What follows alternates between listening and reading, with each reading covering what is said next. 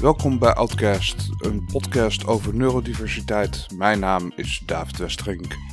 Het is alweer even geleden dat ik met jullie sprak. Vandaag geef ik jullie een bijzondere podcast. Voor degenen die mij niet volgen op mijn social media, via mijn Facebook of mijn webpagina myautisticself.nl. Ik heb op 26 augustus een webinar gegeven over mijn reis naar de diagnose autisme. En het leek me leuk om deze met jullie te delen vandaag. Dus we gaan vandaag luisteren naar mijn webinar. Ehm, dit webinar is uh, gegeven in samenwerking met het Autisme Netwerk Friesland. En daarom zullen jullie naast mij ook de stem van Jolijn de Boer horen.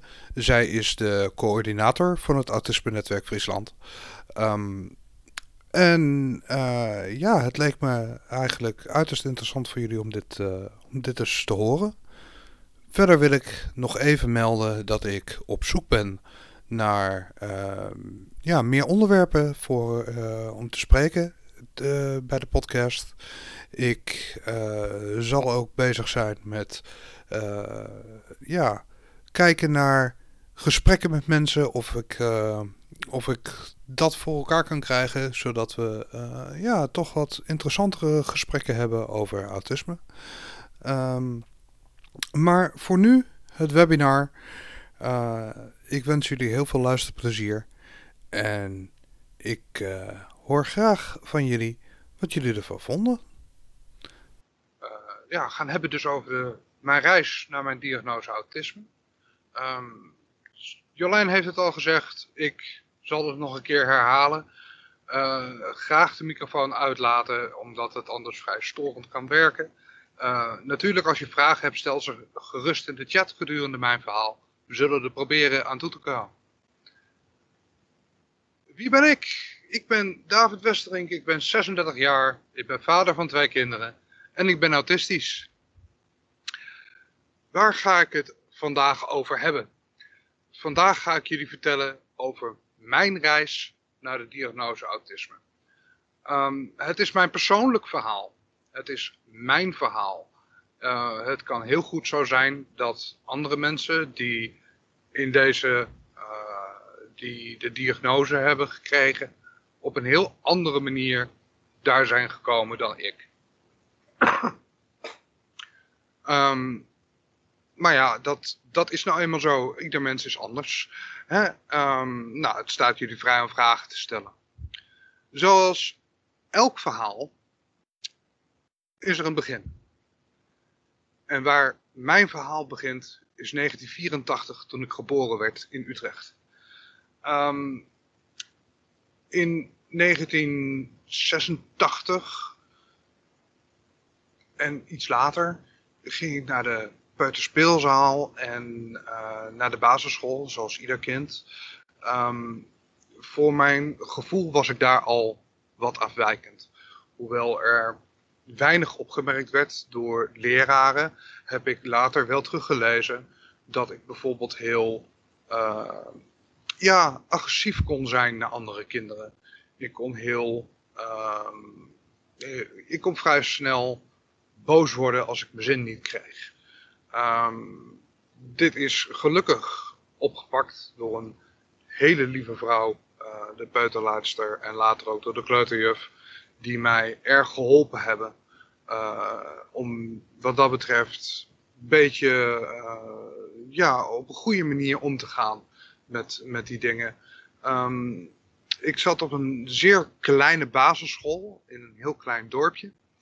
Um, ten hoogste zat er volgens mij om en bij de 200 leerlingen op de hele school. Uh, ik zelf zat in een hele kleine groep. Um, al met al ging mijn basisschooltijd eigenlijk heel goed. Um, wat mensen wel opmerkten was bijvoorbeeld dat ik veel contact zocht met, uh, met volwassen mensen. Niet zo erg trok naar mijn leeftijdsgenootjes die uh, die trokken erg naar elkaar en ik had dat eigenlijk niet zo. Ik uh, was meer met mezelf bezig. Ik uh, kon ook altijd heel goed alleen spelen. Ehm, ik had een hele uitgebreide fantasie daarbij. En ja, daar kon ik toch heel goed mijn eigen ei in kwijt. Ik was eigenlijk altijd wel bezig. Ik was niet vervelend of zo eigenlijk. Uh, maar het viel wel op dat ik eigenlijk ja, niet zo heel veel vrienden had. En dat maakte mij ook niet zo uit. Ik was gelukkig, ik was blij, ik was, het ging best goed op school, ik kon best goed leren. Um, wat wel opviel was dat mijn handschrift erg slecht was. Mijn fijne motoriek was gewoon slecht. Dat heb ik tot op de dag van vandaag. Schrijven is niet mijn, mijn sterke kant. Um, ik kan heel goed typen, ik kan heel goed via toetsenbord en uh, dergelijke. Maar met de hand schrijven, dat is ja, niet zo mijn ding. Um, die, eerste tekenen waren er misschien al wel, maar in de tijd, we praten hier over het jaar, nou ja, 1990. Uh, er was nog niet zo heel veel bekend over autisme. Daarbij komt, ik leek heel erg veel op mijn vader. Dat doe ik tegenwoordig nog. Um, en ja, dan wordt er al heel snel weggezet als, ach, hij lijkt op zijn vader. Het zal wel goed zijn. Um, nou, na de basisschooltijd ging ik door naar de middelbare school in de grote stad. Althans, dat was voor mij was dat een hele grote stad. Ik, uh, ik ging daar naar school en uh, ja, daar kwamen eigenlijk de eerste tekenen achteraf gezien van uh, autisme eigenlijk een beetje om de hoek kijken. Um, ik werd ingeschaald op de HAVO. Maar helaas werd ik op de, MAVO, of op de HAVO heel erg veel getest. Ik vond geen enkele aansluiting in de klas. Ik uh, snapte niet zo goed wat anderen uh, precies wouden of wat ze, wat ze leuk vonden. Ik, uh, ik heb daar op latere leeftijd wel op teruggekeken op die tijd, want ja, ik heb het daar wel een aantal jaren erg moeilijk mee gehad.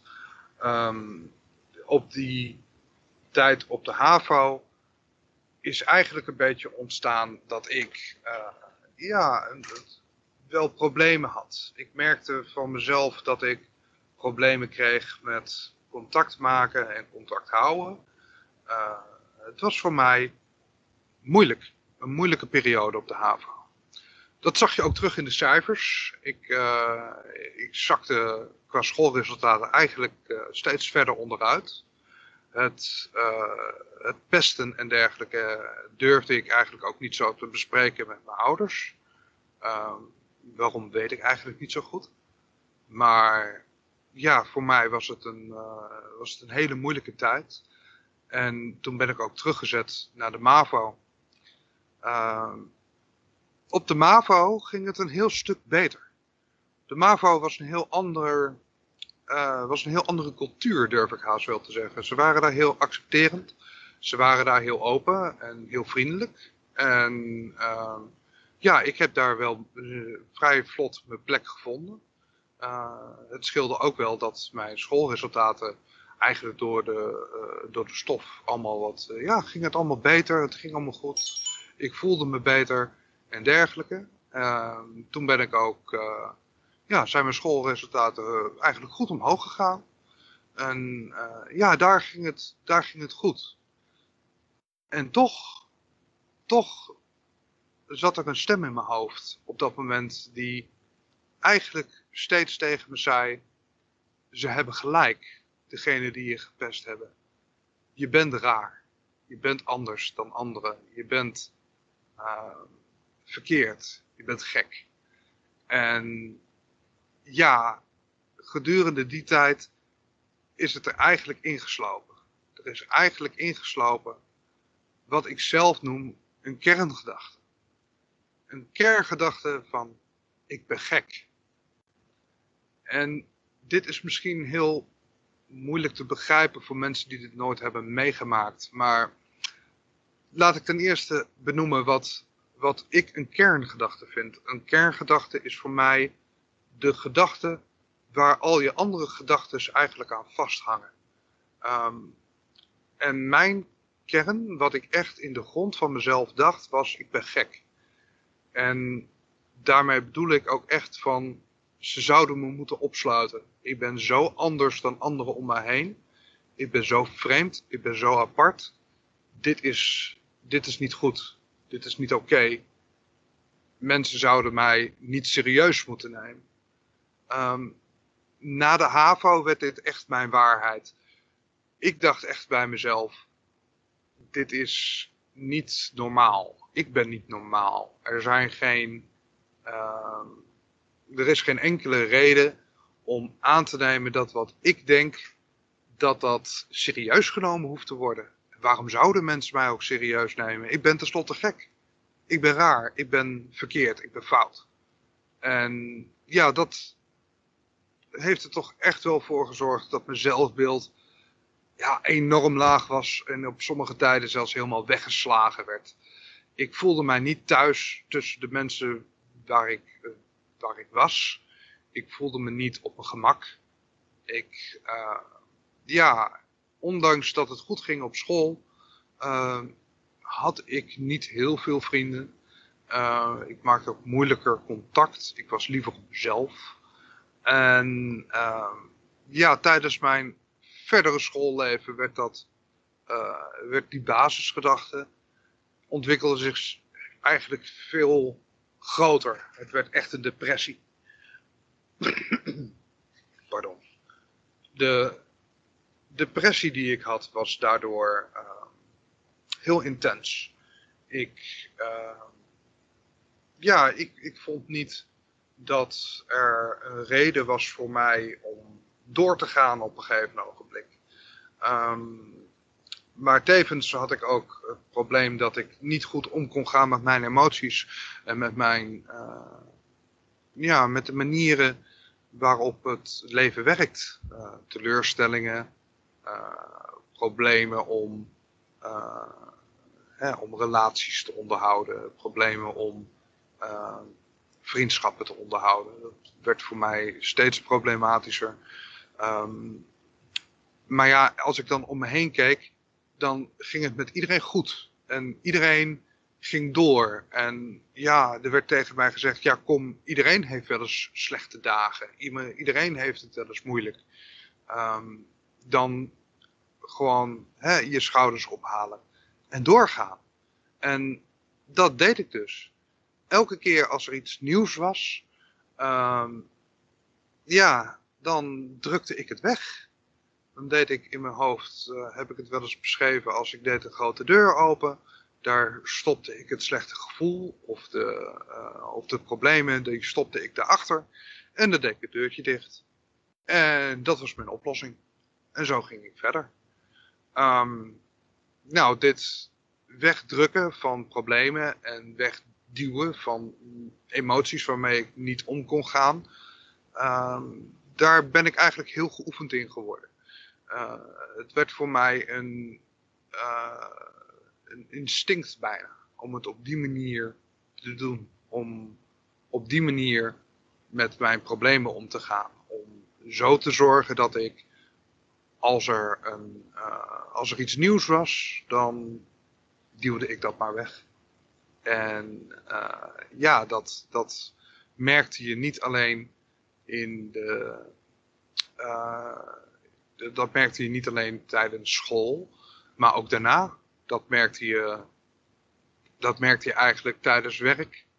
Uh, als ik uh, onder heel veel druk kwam te staan, dan sloeg ik dicht.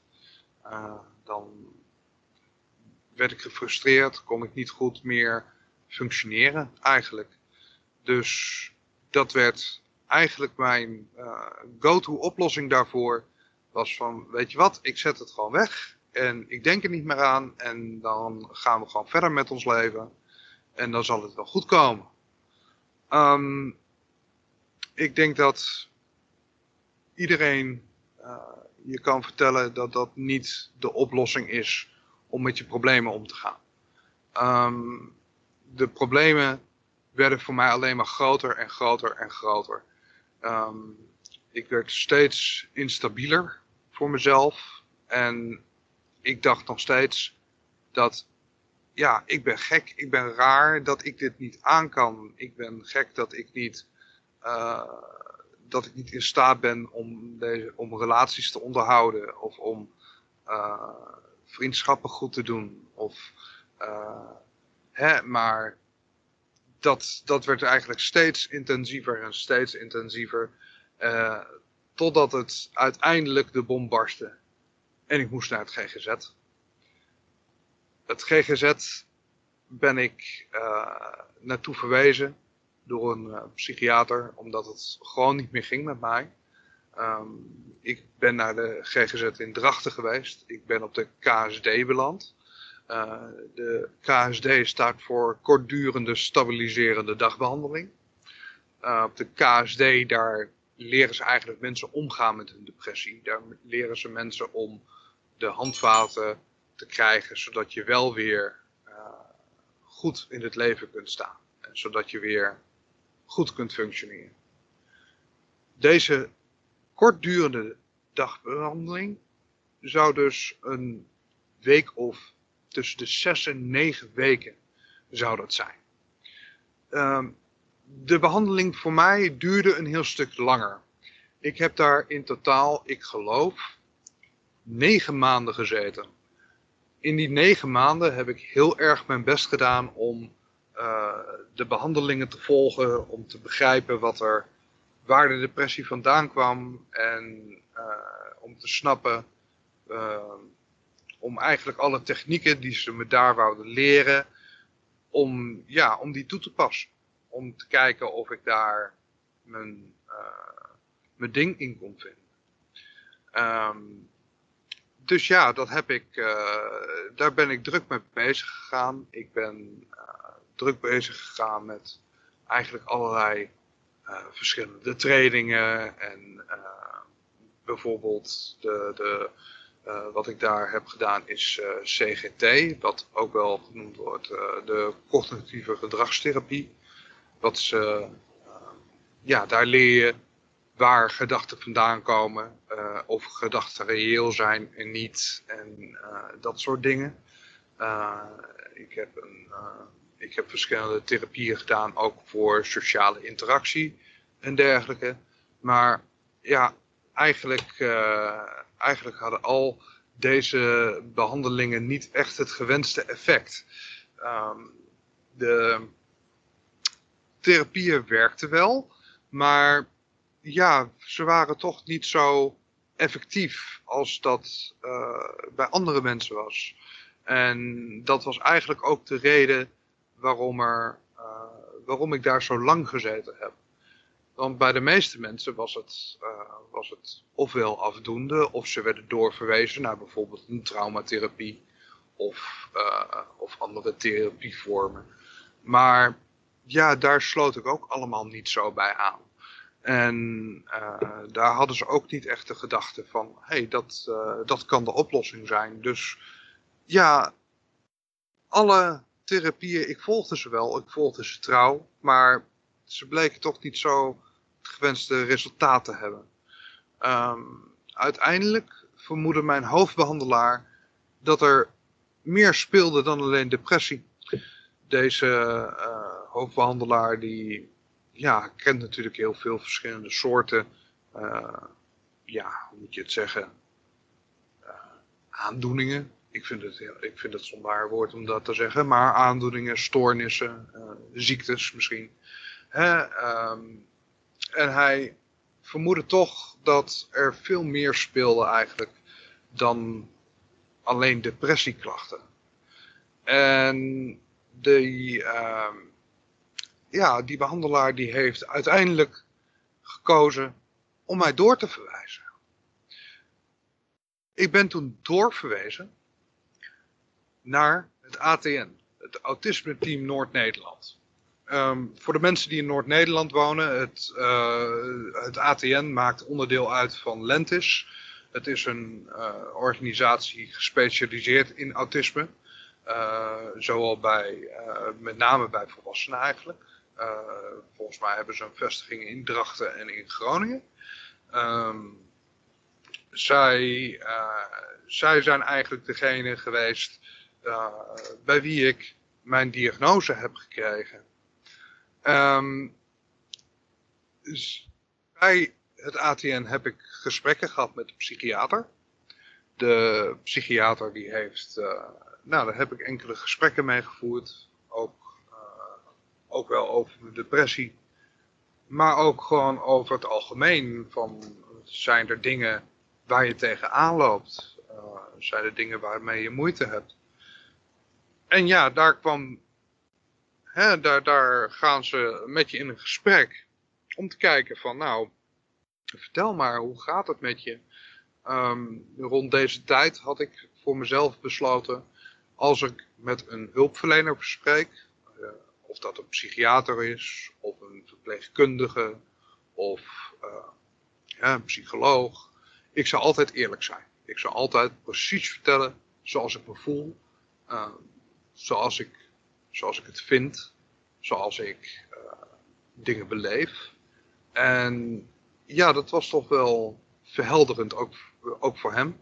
Uh, om ja, toch te horen hoe iemand, uh, hè, hoe iemand in het leven staat op zo'n moment. De gesprekken die, die ik heb met, het, uh, met de psychiater waren natuurlijk niet de enige onderweg naar, mijn, naar een diagnose. Uh, er worden ook zogenaamde systeemgesprekken gevoerd. Die systeemgesprekken die zijn met name bedoeld om een goed beeld te krijgen vanuit anderen over jou. Om te spreken met familie, uh, soms ook met vrienden of collega's, waar we dan ja, wat meer ingaan op, op dingen uit het verleden. En ja, daar kwamen bijvoorbeeld daar kwamen verschillende dingen naar boven. Hè? Zoals bijvoorbeeld het, nou wat ik ook al noemde, het de spel en fantasie. Dat ik heel erg goed eigenlijk was in mijn eigen spel spelen en heel veel fantasie had. Ehm, zonder dat ik me echt verloor in de fantasie, maar ik, was, ik had heel veel fantasie. Ik kon ook heel goed verhalen vertellen en ik kon ook heel goed dingen verzinnen. Die alle niet echt gebeurd waren. Um, maar er kwam bijvoorbeeld ook uit naar voren dat ik erg slecht ben in plannen en organiseren. Ik ben erg slecht in het um, uh, mijn werk plannen. Of uh, mijn, mijn, mijn kamer bijvoorbeeld georganiseerd houden en uh, dergelijke.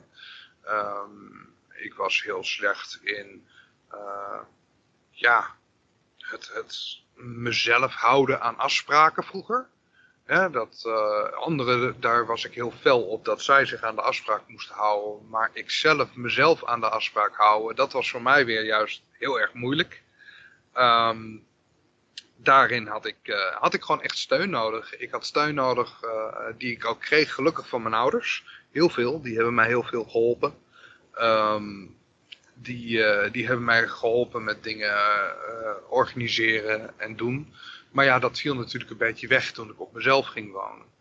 Um, nou, andere dingen wat bijvoorbeeld dan in zo'n systeemgesprek naar voren kwam was... Uh, ja, zijn bijvoorbeeld dingen over, over motoriek. Hè, dat, ik, dat ik een beetje een hekel had aan gym. omdat ik er niet goed in was. Ik vond het niet leuk. Um, ook de fijne motoriek kwam daar natuurlijk in naar voren, mijn slechte handschrift en dergelijke. En zo krijg je een steeds completer beeld. Een steeds completer beeld van wat er nou speelt en wat het nou is en hoe het nou gaat en wat je daar, uh, wat je daar doet, wat je daar krijgt. En uh, ja, de, dat, dat waren een beetje dingen die hij allemaal opgelijst heeft. En uiteindelijk kon hij de diagnose syndroom van Asperger stellen. Um, dat is nu zo'n zes jaar geleden dat ik de diagnose heb gekregen. Het, de diagnose syndroom van Asperger bestaat niet meer. Die diagnose uh, heet nu tegenwoordig autisme niveau 1. Um, ehm, mensen die hierbij zijn zullen het misschien weten, anderen misschien niet. Dus ik zal het kort uitleggen. tegenwoordig hebben we maar één diagnose, uh, dat is autisme of ASS, autisme spectrumstoornis. Daarin hebben we drie verschillende niveaus, niveau 1, 2 en 3. En dat gaat op basis van zorgbehoeften. Uh, niveau 1 lage zorgbehoeften, niveau 3 hoge zorgbehoeften. Uh, dus dat is in het kort eigenlijk waarom ik dat hier nog even bijgezet heb.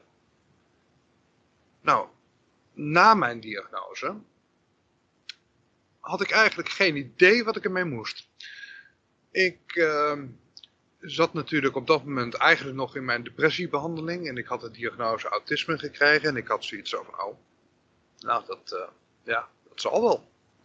Uh, ja, oké. Dus, toen ben ik doorverwezen uh, naar de psycho-educatie van het ATN. Bij de psycho-educatie ging eigenlijk mijn wereld open. Um, daar heb ik veel meer begrip gekregen voor autisme, voor wat het is, wat het inhoudt. Maar ook de herkenning bij, de, bij andere mensen. De psycho-educatie die ik daar gevolgd heb, dat was in een groep met mensen. En daar had ik uh, toch ja, eigenlijk heel veel herkenning van, hé, hey, maar dat heb ik ook. Ja, maar dat, dat, dat doe ik ook. Ja, maar daar kan ik ook niet tegen. Of, oh, oh oké, oké. Er zijn meer mensen die zich voelen als ik, die zijn zoals ik. En dat gaf een enorme bevrijding voor mij. Het was voor mij enorm bevrijdend om te weten dat ik niet gek was. Ik ben niet gek, ik ben anders. Dat was eigenlijk een beetje uh, de, de, de insteek die ik daaraan had. Ik ben ook in die tijd heel veel gaan lezen over autisme. Ik ben gaan uitzoeken uh, of er lotgenotengroepen waren uh, op, op bijvoorbeeld de social media, hè, Facebook, Twitter, dat soort uh, dingen. Ik ben daar vrij veel over gaan lezen. Ik ben me er helemaal opgestort. En ja, wat ik dus toen gedaan heb, is eigenlijk ben ik volledig voorbij gegaan aan het feit dat ik ook depressief was. Ik ben daar volledig aan voorbij gegaan. Waarom? Omdat ik mij compleet gefocust heb op het, op het nieuwe. Op, op, op iets nieuws. Op, op, uh, op mijn autisme. Daar heb ik mij op gefocust. Ik had zoiets over, maar dit is, dit is nieuw. Dit is leuk. Dit, hier wil ik alles van weten. Ik heb even geen tijd voor jouw depressie. Ik, ik zet jou even aan de kant. Mensen die depressief zijn geweest of zijn, uh, die zullen het je ook kunnen vertellen. Maar uiteindelijk nam mijn depressie de overhand. Uiteindelijk hield het op. Uiteindelijk kon ik niet meer. Um, ik ben zo laag gezonken in mijn depressie dat het voor mij op een gegeven moment noodzakelijk was om opgenomen te worden bij het GGZ in Heerenveen. Um, en daar heb ik echt uh, ja, daar ben ik echt heel erg diep gegaan. Ik ben zo diep gegaan dat ik uh, voor mijn gevoel niets meer had. En ik kan je vertellen, dat is het meest verschrikkelijke gevoel dat iemand ooit kan beleven. Op dat moment had ik nog twee keuzes. Of ik stop, of ik begin overnieuw. En ik ben overnieuw begonnen. Ik heb toen bij mezelf besloten, nee, je bent vader van twee kinderen. Je bent een persoon, een mens. En je verdient het om te leven. Je verdient het om gelukkig te worden. En daar ben ik toen mee begonnen. Ik ben begonnen met gelukkig worden. En ik begon een nieuw begin. Ik begon met mezelf weer helemaal overnieuw opbouwen. Ik heb in het begin erg veel problemen gehad om mezelf uh, te accepteren. Om te accepteren dat ik ben wie ik ben, dat ik, uh, dat ik dingen anders doe dan mensen om me heen.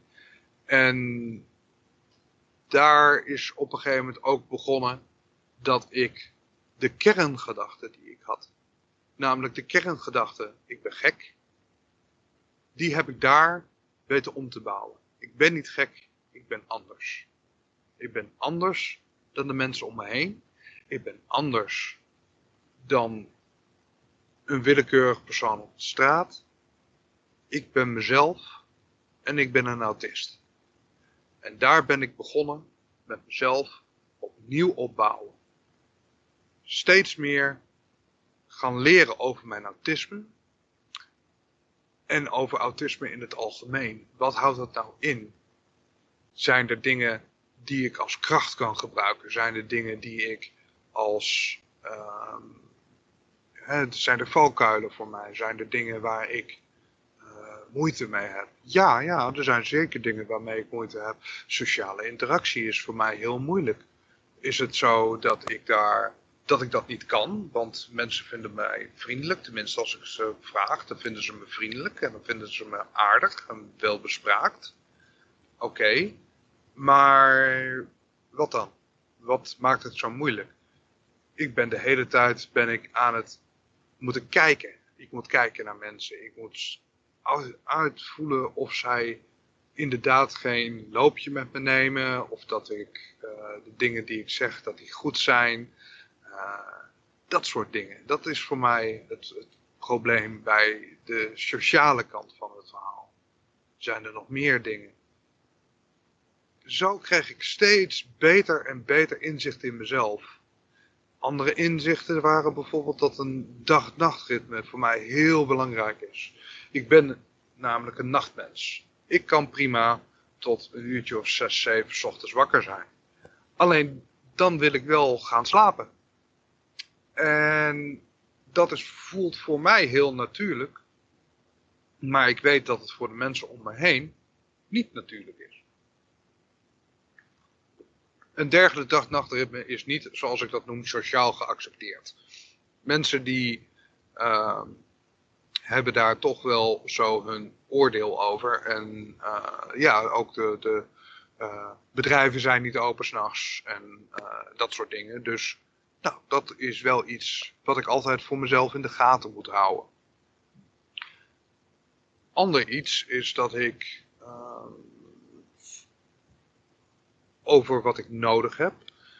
ik, uh, ik ben er voor mezelf bijvoorbeeld achter gekomen dat het voor mij heel belangrijk is om niet hele dagen alleen thuis te zitten.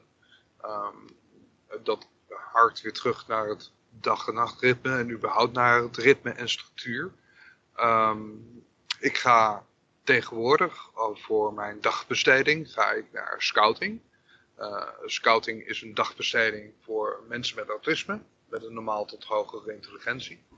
Um, daar, zijn ze, daar wordt mij toch wel geholpen om ja, zo'n dag- en nachtritme goed vast te houden. Om productief bezig te zijn. Um, en om daar ja, mijn, mijn weg in te vinden. Dus ja, er zijn, uh, hè, dus, er zijn zowel wat meer dingen die ik nodig heb. Een, een uh, begeleiding thuis bijvoorbeeld. Ja, thuis heb ik begeleiding nodig van mensen. Um, niet zozeer dat ik, uh, hoe, hoe, zeg je dat, dat ik niet in staat ben om op mezelf te wonen, maar meer om dingen geolied te houden. Om dingen gedaan te krijgen. Ik uh, een van, de, van, van, van mijn autistische trekjes is dat ik erg goed ben in het uitstellen van dingen. Oh, dat kan morgen wel. Oh, dat komt morgen wel. Oh, dat kan morgen wel een stofzuiger door de kamer. Oh, het gaat, hè, de afwas. Oh, dit gaat ook nog wel eventjes. Door mijn begeleiding thuis krijg ik juist van nee, op die dag ga je stofzuigen, dan ga je de wc doen, dan zorg je dat de afwas klaar is, dan zorg je et cetera, et cetera, et cetera. Het is niet echt dat, het, uh, dat ik echt begeleiding nodig heb bij de stappen om te doen. Hè, bij bij uh, bijvoorbeeld de stappen om te gaan stofzuigen. Maar wel die stok achter de deur om te zorgen dat het gedaan wordt. Um, gedurende al die tijd um, ben ik natuurlijk steeds meer erachter gekomen wat ik nodig heb en hoe, het, uh, hoe ik het beter kan doen. En daarin heb ik ook mijn depressie overwonnen. Daarin heb ik gezegd van, um, ik werk naar mijn eigen geluk toe. Ik werk naar mijn eigen kunnen toe. En daarom dat ik voor mezelf heb besloten, hoe kan ik gelukkig zijn? Wat zijn de doelen die ik heb? Daarin ben ik de afgelopen jaren steeds meer gegroeid, steeds beter in geworden. En kan ik vandaag de dag gelukkig zeggen dat ik mijn depressie heb overwonnen. En dat ik daar ja, steeds meer, steeds beter in het leven sta. Ik ben gelukkig als autist. Ik ben ook uh, blij om bijvoorbeeld meer en meer te spreken over autisme. Uh, want ik merk dat er ook veel onbegrip is over mensen met autisme, uh, over autisten en over ja, wat, wat autisten wel en niet kunnen. er zijn verschillende vooroordelen. Ehm, door meer en meer te spreken over autisme, met mensen die er helemaal niks van weten, of juist met mensen die denken dat ze er heel veel van weten, ehm, komen we steeds meer tot een, tot een begrip. Hè, ik wil altijd zorgen dat, er, dat mensen begrijpen waarom ik iets doe zoals ik het doe. Ehm, of dat ik kan begrijpen waarom dingen gebeuren zoals ze zijn. Um, want ik denk echt dat het, dat het wederzijds is. Het is niet een eenrichtingsstraat. Hè? Um, we zullen elkaar moeten helpen om elkaar te begrijpen. Uh, dat is een beetje mijn, uh, mijn insteek bij het, uh, bij het spreken over autisme. Um, nou, daarnaast ben ik ook begonnen met bloggen over autisme. Ik ben mijn gedachten op, op papier gaan zetten, zo gezegd. Um, ja, en dat krijgt eigenlijk verbazingwekkend veel tractie voor mijn gevoel dan. Um, er werd vrij, het werd vrij goed gelezen, het werd goed ontvangen. De, het, het, blog, dat uh, ja, verschillende van jullie zullen het al wel kennen, dat is My Autistic Self. Um, ik heb ook voor die naam gekozen omdat ja, het is toch ja, mijn autistische ik. Uh, mijn, uh, ja, mijn, mijn kijk op de wereld, mijn kijk op, op problemen, mijn kijk op uitdagingen. Uh, en zo zijn, er, zo zijn er meer dingen waar ik dan uh, ja, toch graag over schrijf. Uh, de, het punt is een beetje dat ik ja, toch probeer om zo goed mogelijk mensen uit te leggen wat autisme voor mij is, wat het inhoudt, wat het doet en hoe, en, ja, hoe het hoe het een beetje is voor mij om te leven in een, in een niet-autistische wereld.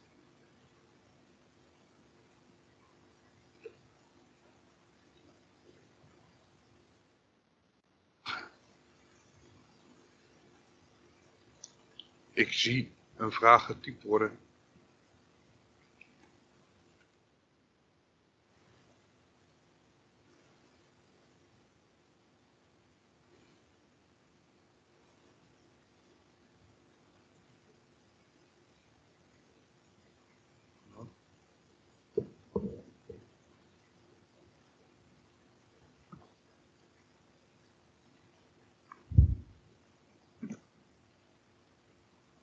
Even kijken.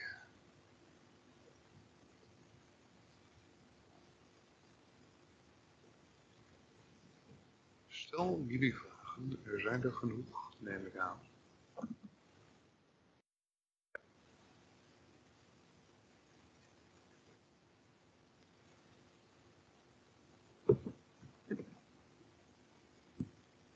Wist ik al iets over autisme voor mijn diagnose?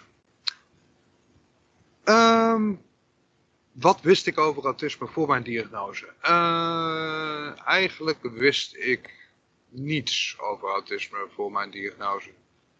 Het was voor mij een... Uh, ja, het was voor mij toch een, een, beetje een zwart gat. Het was voor mij een... Uh, ja, ik, ik dacht er eigenlijk niet zo over na. Ik stond er niet zo bij stil dat het bestond of zo.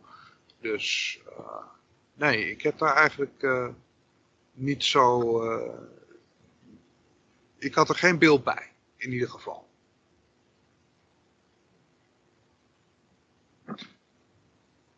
Bij de psycho-educatie, herkenning bij anderen kun je daar voorbeelden van geven. Um, Nou, bijvoorbeeld het, ehm, mensen die zeggen dat je, uh, wat was bijvoorbeeld zo'n herkenningspuntje, moet even nadenken. Een herkenningspunt was bijvoorbeeld uh, moeite hebben met oogcontact maken met andere mensen. Dat het erg oncomfortabel voor me voelde om uh, mensen aan te kijken, te staren. dat was nog meer een herkenningspunt. Ja, het, het chaotisch zijn. De, gewoon, gewoon ja, rommel maken, dat soort dingen. Dat was, dat was erg herkenbaar.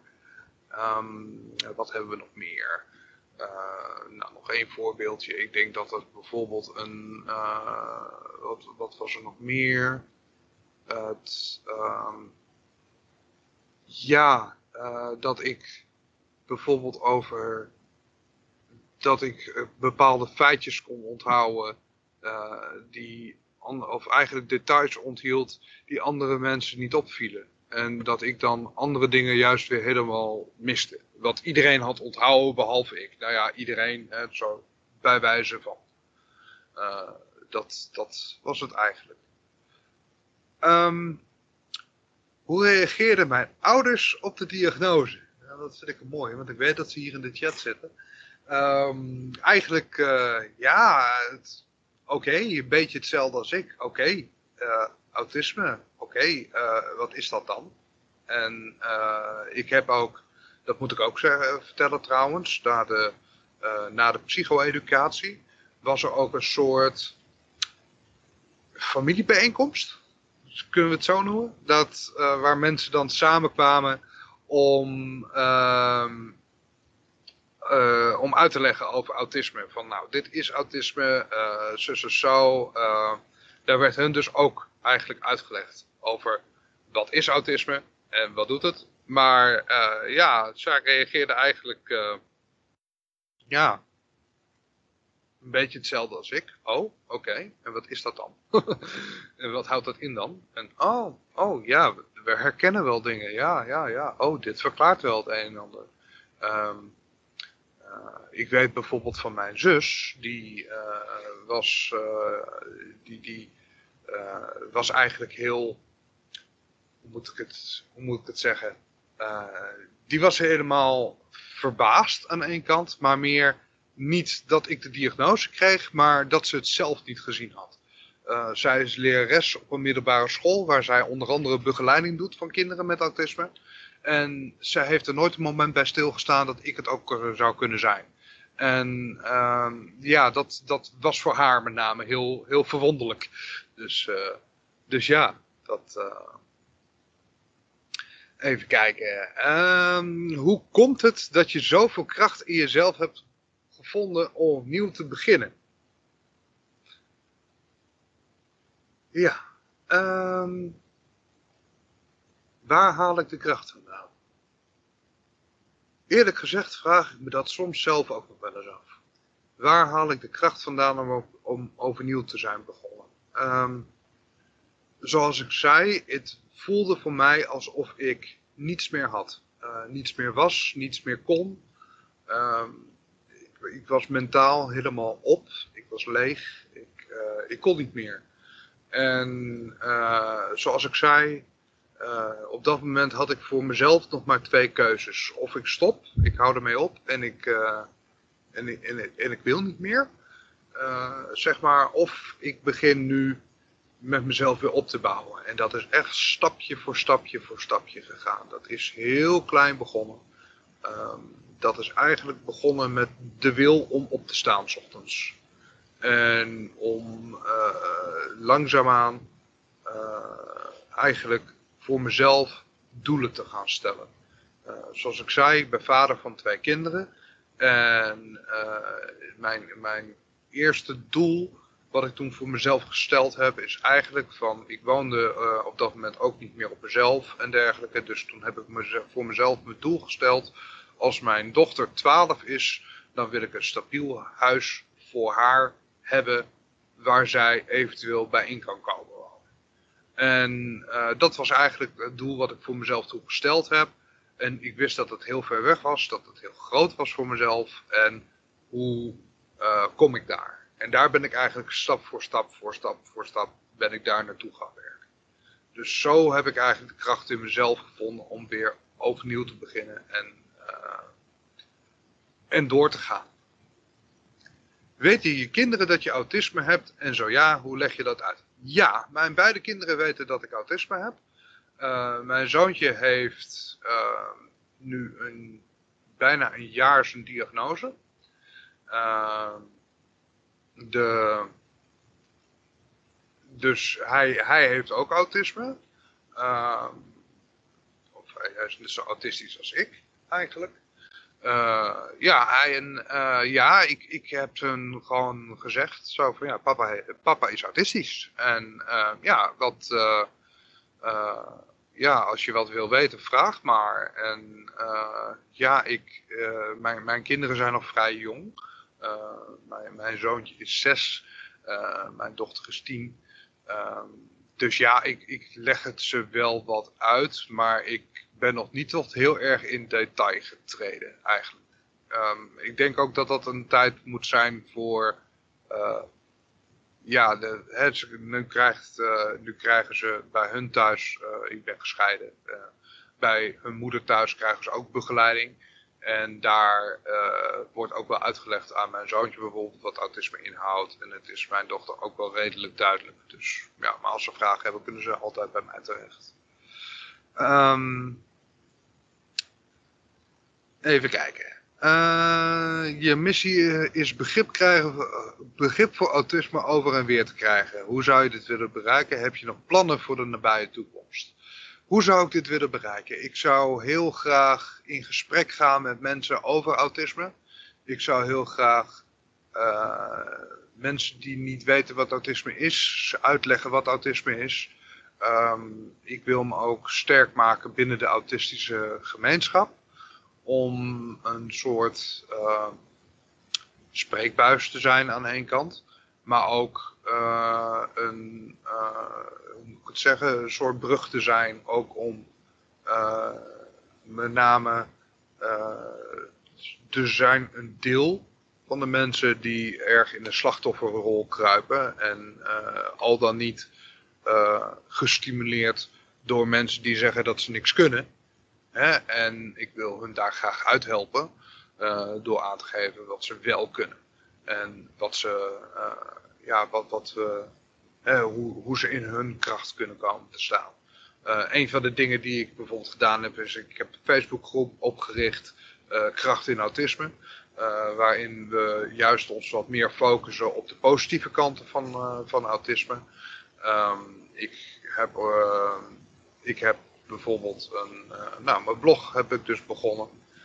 ik, uh, ik probeer zoveel mogelijk te lezen en te leren over autisme, over de, de, de gemeenschap daaromheen. En uh, ja, die te vertegenwoordigen. Dus daar, daar ben ik heel druk mee bezig. En ik wil meer schrijven. Ik ben een podcast begonnen. die is ook, daar, daar wil ik ook meer mee bezig, meer mee doen. Dus ja, daar gaan we de aankomende tijd weer hard mee aan het werk. Um, even kijken. Zijn er dan verdere vragen? Die heb ik beantwoord, die heb beantwoord. Dat waren de vragen, dat waren de vragen.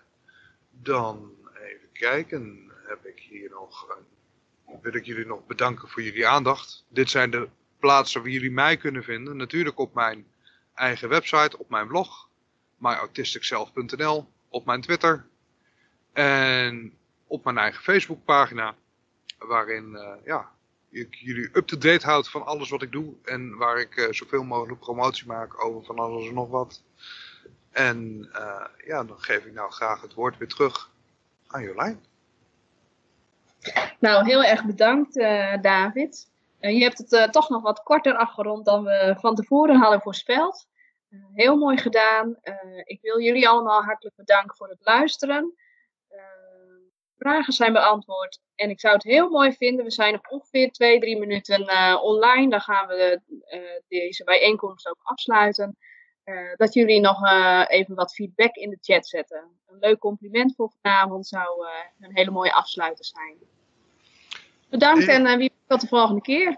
Maar ja, ik, ik zit nog wel heel eventjes te kijken Jolijn. Ik zie nog een paar vragen in de chat voorbij komen. Oh, toch nog. Even kijken. Ik zie bijvoorbeeld, wat zie je als grootste uitdaging voor de hulpverlening? Uh, denken dat je alles weet.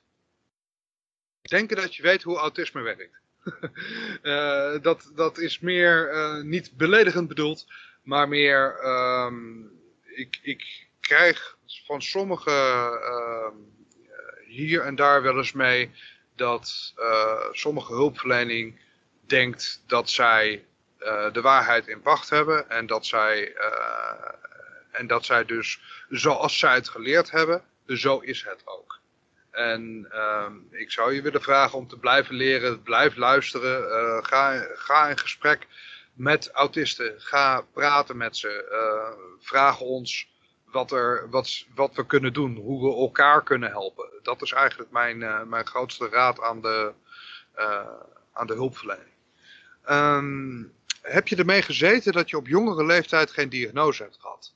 Denk je dat het iets had kunnen leveren, bijvoorbeeld voorkomen van de depressie? Um, had ik het liever eerder geweten? Ja en nee. Uh, met als het zo zou zijn dat ik een kind in vandaag de dag was, dan ja. Maar in die tijd was er nog heel veel onbekend over autisme.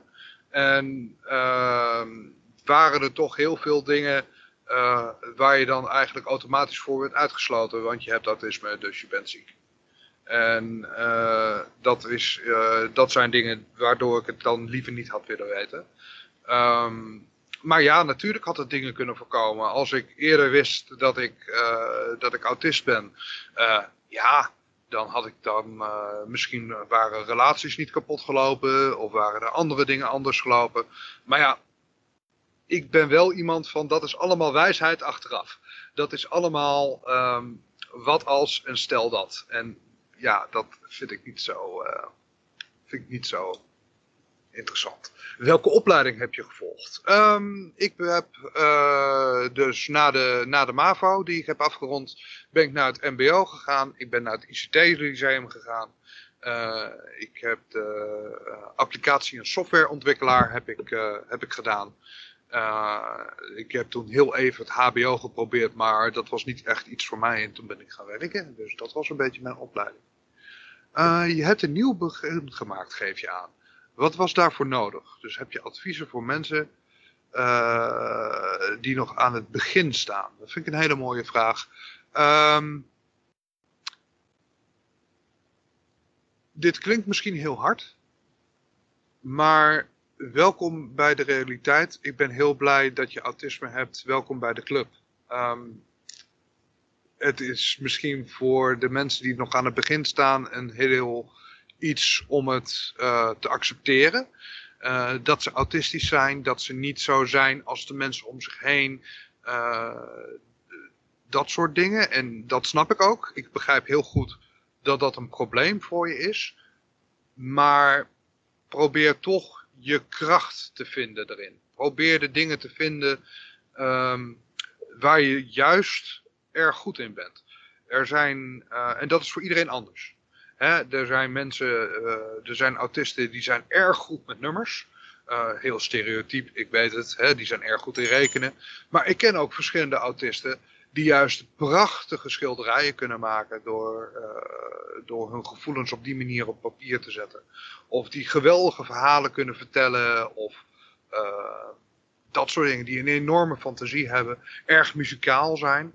Dus het is echt zoek naar je eigen kracht. Zoek naar dingen waar je goed in bent.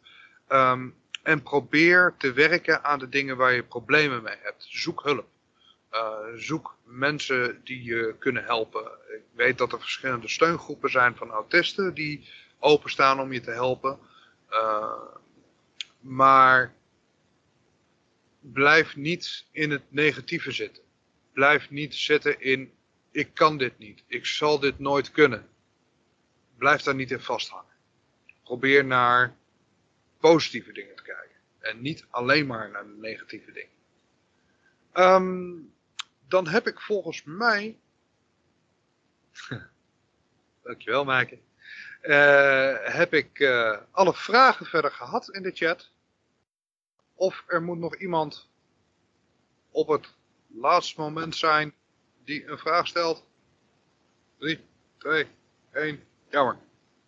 Jolijn, Ja, ben ik weer. Uh, excuses dat het uh, zo is gelopen. Een technisch foutje, maar op de een of andere manier uh, kan ik tot een bepaalde tijd in de chat zien. Maar er zijn helemaal geen vragen verder voorbij gekomen in mijn scherm.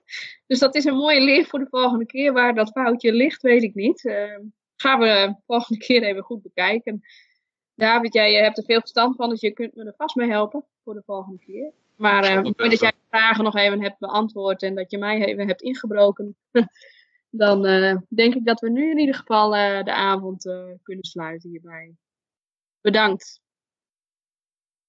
Jij ook hartelijk bedankt. En iedereen hartstikke bedankt voor het, voor het komen. En ja, ik hoop jullie nog eens een keer te ontmoeten.